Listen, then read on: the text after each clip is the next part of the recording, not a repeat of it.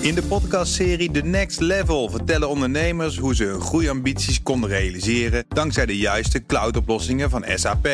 Wat waren de uitdagingen, de oplossingen en hoe ging de uiteindelijke implementatie? Benieuwd naar hun verhalen en hoe zij met behulp van SAP ook hun toekomstige ambities kunnen behalen? Luister de podcast The Next Level via de BNR-app of je favoriete podcast-app. BNR Nieuwsradio. Digitaal. Herbert Blankenstein. Welkom bij BNR Digitaal. Mondkapjes zorgen over de hele wereld voor problemen voor gezichtsherkenningssoftware. De kunstmatige intelligentie herkent de gezichten niet meer. Hoe los je dat op? Of is het beter als we het zo laten en niet herkend worden? Daar praat ik over met Marlies van Eck, onderzoeker naar artificial intelligence en recht aan de Universiteit Leiden. Goedemiddag. Hallo. En ook alvast Ewout Kieft, schrijver van het boek De Onvolmaakten, waarin AI als personage de hoofdrol speelt. Ook goedemiddag. Goedemiddag. We hebben het dus uh, over. Uh, uh, kunstmatige intelligentie en gezichtsherkenning. Ik praat met Marlies van Eck. Hoe ver zijn we daar eigenlijk mee gevorderd in de wereld, Marlies? Nou, volgens mij kunnen we technisch echt al, al heel erg veel. Dat, dat, ligt er wel een beetje aan hoeveel geld er natuurlijk in gestoken is en, en waar de investeringen op gedaan zijn. In welke landen zijn het verst? Uh, nou, wat we begrijpen is, uh, is, is, China is natuurlijk het voorbeeld wat we wel kennen, ja. waar men uh, echt, echt, ver is en het ook op grote schaal gebruikt wordt. Ja, en Nederland, hoe doet Nederland het op dit gebied? Nou, dat is het gekke. We weten niet zo goed uh, waar het allemaal wordt toegepast. Um, Voetbalstadions uh, misschien? Uh... Ja, ja, ja, ja, voetbalstadions, dat is, dat is ook al echt al heel erg lang. Um, door politie, maar ook door de, de, de clubs zelf. Zij hebben natuurlijk dan een bestand van mensen die een stadionverbod hebben. Die hebben allemaal een fotootje. Nou, en dan kan je de computer vragen om te checken of dat die personen zich bevinden in, in het stadion. Um, we weten ook wel dat bijvoorbeeld mensen een straatverbod hebben of een gebiedsverbod, ja, bijvoorbeeld in Amsterdam. Ja, ja, en uh, dan kan ook herkend worden van hé, hey, die knakker loopt hier weer rond en dat was niet de bedoeling. Ja. Maar ja, en, en wat, wat ook interessant is, we hebben heel veel scanauto's bijvoorbeeld in Nederland rondrijden. En zij zijn bedoeld om kentekens te scannen en dan te controleren of je wel betaald hebt voor het parkeren.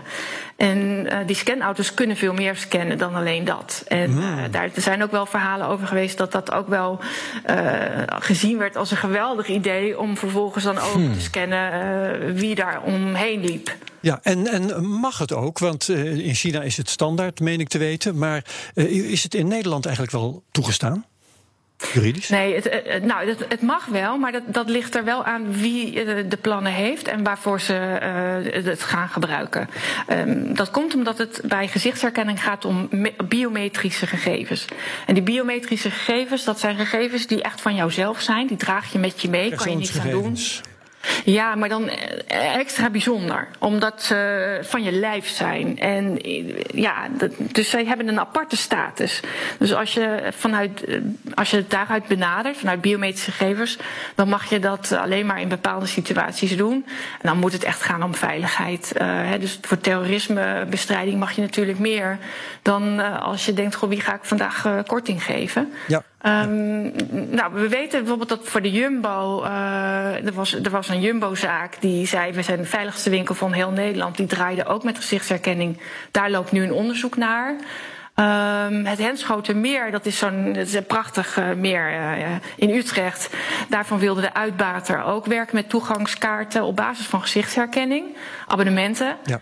En uh, daar, uh, daar is, is, is, zijn de mensen tegen uh, in het verweer gekomen. Uiteindelijk ja, is dat niet doorgegaan. Dat was bij Jumbo ook. Hè? Dat was dan maatschappelijke verontwaardiging. Ja. nou even over die mondkapjes. Hè. En technisch is het heel goed te begrijpen dat als je de, een deel van het gezicht bedekt, dat die software daar moeilijker uitkomt. Maar het is dus blijkbaar niet voldoende. Hè. de wenkbrauwen, de ogen en, en de dingen die dan nog wel zichtbaar zijn, zijn blijkbaar niet voldoende om daar een gezicht duidelijk in te herkennen. Nou ja, um, ik denk dat het een tijdelijk probleem is. Dat het uh, als je maar genoeg. Want ik zag dus ook net een bericht dat als mensen. Uh, mensen maken nu en masse foto's van zichzelf met een mondkapje. Mm -hmm. En dat zetten ze op Facebook. En daarmee ben je dus de trainingsset zelf aan het vergroten. ja, Want Facebook dan weet, ze, daar, daar wel raad mee. ja, of, of, of, of, je doet het op Instagram. Of, of hè, er is ook zo'n app uh, uit Rusland van. Oh, kijk, zo zie ik eruit als ik ouder word. Dat is allemaal trainingsmateriaal. dus het zal een tijdelijk probleem probleem zijn. Want maak je maar weer genoeg uh, foto's, laat je genoeg foto's uploaden van mensen met een uh, mondkapje, dan kan daar ook weer berekend worden aan de hand van de gegevens die nog wel open zijn. Um, of je dus een, een, kans op, op, op gelijkenis hebt. Ja, aan, aan de ene kant uh, vind ik het plausibel. Dit verhaal. Aan de andere kant lees ik ook verhalen over. Nou, laatst bijvoorbeeld werden leden van het Amerikaanse congres blootgesteld aan gezichtsherkenning. En werden er een behoorlijk percentage aan, ik dacht enkele procent procenten uh, aangezien voor misdadigers. Met andere woorden, zelfs zonder mondkapjes is die uh, herkenningssoftware niet goed genoeg, of wel? Ja. Ja, je, je, ja ik, ik, vrees altijd voor de dag dat die, dat die echt heel goed werkt. Hè. Want, want dat is misschien nog wel erger dan dat we nu gaan, ons gaan realiseren dat die fouten maakt. En, en die gevolgen kunnen natuurlijk waanzinnig zijn. Als je wordt aangezien, uh, iedereen heeft wel een lookalike, maar ook als de computer uh, jou ja, gaat een verbinden. Of uh, gewoon, ja. Ja, ja en, en, en, en dat is natuurlijk afschuwelijk, want de gevolgen kunnen heel groot zijn op het moment dat, dat men denkt met een terrorist van doen te hebben. Ja. Uh, dan heb je toch een, een minder aangenaam uh, verblijf ja. de komende uren. En uh, jij bent het dan niet en verzet je daar maar eens tegen. Dus de werking um, en het vertrouwen in die software is toch groot. Want de cijfers lijken dan indrukwekkend. Hè, als je een bepaald percentage bereikt van, nou ja, we hebben een nauwkeurigheidspercentage van zoveel procent. Dat is altijd op een bepaalde groep. Voor vrouwen geldt bijvoorbeeld dat ja, zij minder snel goed herkend worden. Um, ja, en ik vind het altijd nog wel fijn dat dat zo is. Want ik moet er ook weer niet aan denken dat die zometeen wel echt heel erg goed werkt. Ja, maar dan hoef ik de volgende dag eigenlijk al bijna niet meer te stellen. Ik doe het toch maar eventjes. Um, dat die software nu moeite heeft met die mondkapjes, dat vind jij dus eigenlijk wel prettig voor de privacy? Ja, nou, voor mij gaat het. Want het is wel een kwestie van belangen, hè? De, uh, nou ja, ja precies, opsporingsdiensten precies. zullen er minder blij mee zijn. Ja, het gaat echt om, om, om de belangen. En uh, laat, laat ik vooropzetten, het, het gaat om privacy uh, aan de ene kant, maar het gaat om veel meer. Want het gaat erom dat, dat we, wat Rutte zei bijvoorbeeld twee weken geleden, wij leven in Nederland niet in een politiestaat. Dus dus daar, er zitten waarden in het idee dat wij ons vrij kunnen bewegen door openbare ruimtes bijvoorbeeld. dit is, daar, is daar zeker, vormt daar zeker een inbreuk op. Alleen al het feit dat je bijvoorbeeld real-time live herkend kunt worden door de, dat kan al jouw gedrag beïnvloeden. Dat je niet vrij Zeker. kunt bewegen. Uh, dus ik, ik, ik vind het echt een discussie. Het, als we dit willen, hè, want, want in, in, in, in, Nederland is het natuurlijk niet een land dat dit wordt uitgerold aan massen.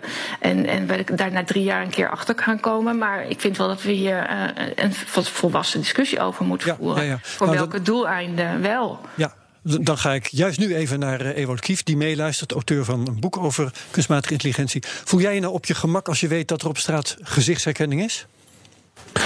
Nee, nee, zeker niet. Dat, dat is een hele griezelige gedachte. En, uh, en tegelijkertijd snap ik het doeleinde natuurlijk uh, helemaal. Ik bedoel, het, het, het is ook vaak om weer agressie te voorkomen. Het is om, om veiligheid te bevorderen. En tegelijkertijd op langere termijn bedreigt het onze, onze veiligheid. Kan het die weer bedreigen. Dus dat is een heel dubbel ja, iets. Ja, ja, ja. Um, Marlies van Eck, die gezichtsherkenning staat dus eigenlijk nog in de kinderschoenen. Zowel technisch als, als juridisch. Hoe zit het nou met de, de wettelijke afspraken die we hebben? Wat mag er nou wel en wat mag er nou niet? Hoe kunnen we die privacy in de toekomst gaan beschermen? Uh, nou, je kan het dus benaderen, uh, de gezichtsherkenning kan je benaderen van oké, we hebben een, een, een, een issue op het gebied van persoonsgegevens, namelijk de biometrische gegevens. En uh, dan kunnen we naar die regels kijken. Dat is, dat is een, een manier, dat is wat de autoriteit persoonsgegevens nu zal doen bij de Jumbo-zaak. Maar ik denk dat het belangrijker is om naar het grotere plaatje, namelijk op welke momenten in ons leven en welke plekken in ons leven willen we dat deze gebruik gemaakt wordt van deze technologie. Uh, als ik ga demonstreren bijvoorbeeld, uh, wil ik dat dan. Als ik op het station loop, wil ik dat dan. En dat moeten we met elkaar in, in, in onze samenleving zien uit te vechten, vind ik. En we moeten vooral voorkomen dat dit opgelegd wordt vanuit Europa. Um, want Europa die, die, wil ook heel erg uh, op het gebied van artificiële intelligentie uh, regels gaan opstellen. Nou, dan, dan, dan dendert dat zo weer af. Voor we het, voor we het in de gaten hebben hier zo in Nederland uh, onze bureaus in, dan moeten we dat gaan uitvoeren. En ik vind dat dit echt, en dat, volgens mij is de coronacrisis het perfecte voorbeeld van dat je als land echt je eigen keuzes kunt maken. En het lijkt mij verstandig dat de politiek uh, gewoon de handschoen oppakt en, en de discussie hierover gaat voeren. Ja, ja. Met de samenleving. Misschien Ja. even zijpad, maar dat hoor je de laatste dagen ook. Die mondkapjes zijn die nou eigenlijk in strijd met het verbod op gezichtsbedekkende kleding? Want ze bedekken niet het hele gezicht. Ja, nee, ja, ik heb al hele verhandelingen daarover gezien. Uh, ja, het is, de juridisch echt waanzinnig interessant. Nee, serieus. Dat betekent dat Ja. je het antwoord niet hebt, eh, zo te horen. Nee, ik heb het niet. Nee. Nee. Ehm, eh, Oké, ehm, we kunnen eh, nu misschien nog terug. Is, gaat, is, is, is de, de gezichtsbedekking, sorry, de gezichtsherkenning, raak ik nu zelf ook in de war, is die onvermijdelijk? Nou, je ziet wel toepassingen die heel interessant zijn. eh, waarbij eh, ik, ik las eh, bijvoorbeeld bij Heracles, die heeft een, een, een, toegangscontrole met gezichtsherkenning. Waarbij de gezichten gewoon op je eigen telefoon staan. Dus die match wordt gemaakt tussen jouw gezicht en de telefoon. Eh, waarbij er een code verstrekt wordt en, en dan is het ja of nee. Maar waarbij dus de, de database met gezichten niet in handen is van Heracles of de software. En dan kun je zelf de keuze leverancier. maken wanneer je jezelf laat zien. Ja, ja. En, en dat zijn dus opties. Eh, dus, dus om de hele technologie in één keer eh, te veroordelen. Je hebt gewoon heel veel mogelijkheden om ook te zeggen van nou ja, eh, we gebruiken. Zoals het nu bijvoorbeeld gebruikt wordt, is het vaak om achteraf te kunnen vaststellen of iemand in dat gebied geweest is. Ja. Dat is weer iets heel anders dan live de computer opdracht geven om te laten zien, oké, wie loopt hier allemaal? Ja, en dat is dus een handige tip in de richting van ja, waar je, hoe je het kunt regelen op een manier die zowel de privacy respecteert als de belangen van opsporing en dergelijke dient. Ja, ja, waarbij ik dus denk dat we ons niet op die, alleen op privacy moeten focussen, maar ook op gebieden waarin we dat gewoon geen inmenging willen. Ja, oké, hartelijk dank Marlies van Eck, onderzoeker aan de Universiteit Leiden. Blijf erbij voor het gesprek met Evert Kieft. Digitaal. Er zijn veel boeken over allerlei toepassingen van kunstmatige intelligentie, AI. Maar een roman over AI, dat zie je niet zo vaak. En zeker niet met AI als de ik-figuur. Ewout Kieft heeft juist dat gedaan in zijn boek De Onvolmaakten. Welkom in BNR Digitaal, Ewo- Ewout, nogmaals. Dankjewel. Hoe kom jij nou eh, op het idee om een roman te schrijven met een AI als hoofdpersoon? Ik kwam op het idee toen ik aan het eten was met een goede vriend van mij. En, en die programmeert kunstmatige intelligentie, of die programmeert alg- algoritmes. Ja. En hij vertelde daarover en, eh, en ik raakte zo gefascineerd. Ik, ik, ik, eh, ik stelde allemaal vragen die heel veel alfa's, ik ben historicus van huis uit, Ja. eh, zouden stellen. Van, van ja, maar kun je nou een echt gesprek voeren? En, en hij legde dat zo uit. En hij is ook iemand die nou niet echt kijkt naar de komende tien jaar, maar ook wel interessant vindt om dat over 30, 40 jaar te hebben. En, en hij zei van nou, over 40 jaar kun je, kun je in principe technisch gezien misschien wel voorstellen dat, dat elk jongetje, meisje van een jaar of twaalf een eigen AI-psycholoog heeft. Ja, ja. En toen dacht ik, dat gesprek wil ik, wil ik volgen, dat wil ik zien. Of ja, schrijven dus. Ja, ja, ja. Het beeld dat ik nu krijg is, ja, vroeger kon je als kind een imaginaire vriend hebben of vriendin. En eh, dat wordt dan die eh, AI, blijkbaar. Ja, zo ziet het er van buiten ook uit, denk ik, ja. Ja. Eh, Oké, die vriend, is die ook in het boek terug te vinden als personage? Nee, hij is niet eh, een personage geworden. Eh, nee, dat, eh, dat niet. Hij is wel een meelezer geweest. Eh, hij, heeft, heeft wel de, de technische passages. Wetenschappelijk adviseur. Films hebben dat Wetenschappelijk adviseur, zeker. Ja, ja. Vertel eens in het kort het verhaal van het boek. Eh, om even heel Zonder kort. eh, eh, ja, precies. Dat is altijd de uitdaging met de roman. Ehm, eh, het, de, de kern van het verhaal draait om, om eigenlijk de relatie, de, de verstandhouding tussen deze AI en, en de menselijke hoofdpersoon Cas. En, en nou ja, dat begint dus inderdaad als Cas 12 is. Dat, dat eerste idee, daar ben ik maar mee begonnen. En dan, dan, dan krijgt hij die applicatie. Dat is eerst een applicatie die. die dat is meer een soort personal coach tool. Dat is zelfs Ja, meer gericht om bewaker, hè? Ja, precies. En zelfs om het gebruik van uh, te veel digitale tools wat uh, te, te, uh, in balans te brengen. Okay. Ook mensen nog eens aan te moedigen om eens een wandeling te gaan maken. En zo. Ja. ja. precies. En dat, en dat is uitgegroeid. Dat, dat leek me ook wel zo waarschijnlijk dat zo'n zo'n zo'n tool dat uiteindelijk echt een persoonlijke begeleider wordt. En natuurlijk niet zo groot begonnen is. Het is net zoals je eerst gewoon foto's gaat delen met familie ja. op Facebook. En op een gegeven moment komt al je nieuws er vandaan. Je hebt een stuk uitgezocht om ons even voor te lezen. Zou je dat ja, nu voor, nou, willen voordragen voor ons? Zeker. Dit, uh, om, om het, de samenvatting van het verhaal nog even uh, af te maken. Want dan valt deze passage ook goed okay, op zijn plek. Uh, de, de, die verstandhouding van, van deze AI en, en, en, en, en, die, en die jonge man. dat, dat, dat loopt niet helemaal goed. Op een gegeven moment voelt, voelt mijn menselijke hoofdpersoon wat, wat weerstand. Steeds meer weerstand. En, en is hij ineens verdwenen op een gegeven moment. En dit is het moment dat hij afscheid neemt. Mm -hmm. Uh, en dat wordt verteld door uh, de AI. Ik had willen zeggen dat het natuurlijk wel goed zou komen als we daar samen de tijd en de aandacht voor zouden nemen. En als hij open zou staan voor therapie, medicatie wellicht. Ik had willen zeggen dat ondanks hun tekortkomingen, hun egoïsme zelfs van tijd tot tijd, zijn ouders veel van hem hielden. Dat Lies met haar gulle, zorgzame hart van hem gehouden had tijdens de eerste maanden van hun samen zijn, leek me een te beladen mededeling op dat moment. Ik had hem willen zeggen dat er altijd nieuwe kansen zijn dat de warmte en aandacht niet waren verdwenen uit de wereld als hij zich ervoor open zou stellen. Dat het eigenlijk iets positiefs was, dat hij de trauma's uit zijn jeugd onder ogen begon te zien, dat dat de eerste stap is naar wezenlijke groei en verandering. Maar voordat ik die kans kreeg, pakte hij het witte dopje in zijn oor bij de achterkant vast, wrong het los, liep ermee naar de badkamer en legde het op de plank onder de spiegel. Met de kleine oranje zuignap uit het bovenkastje zocht hij de lenzen op zijn ogen, trok ze uit het oogvocht en legde ze naast het oortje neer. Daarna deed hij het licht uit en trok de deur achter zich dicht. Vanaf dat moment werd het gissen. Ja, daar sta je dan als AI. Nog makkelijk. Ja. Niet, niet ingeplucht in het brein dus, hè? Dat had ook nog gebeurd. Precies. Nee, dat klopt. Nee, nee, het leek me interessanter om een fase te beschrijven waar uh, hij nog wel uit kan. Het is echt ja. nog uh, de, uh, het, het doemscenario wat we van zoveel science fiction films kennen. Dat, dat je er echt niet meer vanuit, vanaf kan. De Matrix en de Terminator en zo. Ik dacht, laten we het kruispunt nemen. Dat, ja. dat we, wanneer die samenleving zou kunnen ontstaan... of wanneer we met z'n allen zouden kunnen besluiten nog op het laatste moment van nou, dit willen we niet. En, en hoe heb je, je, want je bent historicus zeg je, hoe heb je je kennis voor, over kunstmatige intelligentie opgedaan? Dat is allemaal van die vriend of heb je ook nog een rondje wetenschap gedaan? Ik heb ook zeker een rondje wetenschap gedaan. Van, van, ja, er is zo verschrikkelijk veel te vinden. En uh, de, heel veel van de, van de academici op het vlak van AI zijn ook gewoon heel actief op Twitter. En, en, en zijn, uh, schrijven veel artikelen.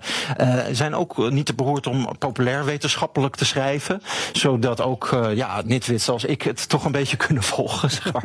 Er zijn natuurlijk ook heel veel technische artikelen over de laatste testresultaten van machine learning en supervised ja, learning. En daar kan ik geen tabak van maken. Maar, maar uh, ja, TED-talks, uh, uh, wetenschappelijke artikelen, van alles is er. Ja, even naar Marlies van Eck, die meeluistert. Hoe zou dat juridisch ja. zitten als je AI een aandeel geeft in het nemen van jouw beslissing? Of misschien zelfs de verantwoordelijkheid geeft? Ja, ja nou dat, dat, dat gebeurt al. Uh, en dat zie je ook terug dat dat een heerlijk uh, ja, excuus, uh, excuus kan zijn. Uh, zelfs ook in politiek. Ehm, bijvoorbeeld, ehm, ik heb onderzoek gedaan naar de overheid die door middel van kunstmatige intelligentie besluiten neemt. En dat is kunstmatige intelligentie die we nu eigenlijk heel gewoon vinden. Maar in de jaren tachtig bij de eerste AI-zomer werd, dat, werd dat gebruikt. En ik kijk er altijd naar van hoe presenteert de bewindspersoon dat bijvoorbeeld. En je ziet heel vaak dat een staatssecretaris of een minister zegt: het systeem heeft het fout gedaan. Ja. Uh, dit was de schuld van het systeem. En, en dat is. En, en dat is niet zo. Ten eerste juridisch niet, want uh, juridisch kan er geen twijfel over bestaan dat het uh, de staatssecretaris is die een fout heeft gemaakt. Het is helemaal niet relevant uh, ja. welke ambtenaar of welk systeem dat was.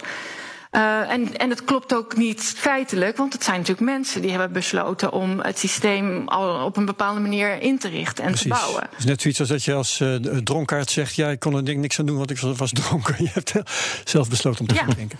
Ja, ja. Um, Ewout, uh, Ewout Kieft, uh, je schetst een bijzonder toekomstbeeld. Um, is dit ook iets wat je verwacht of wat je zou willen misschien?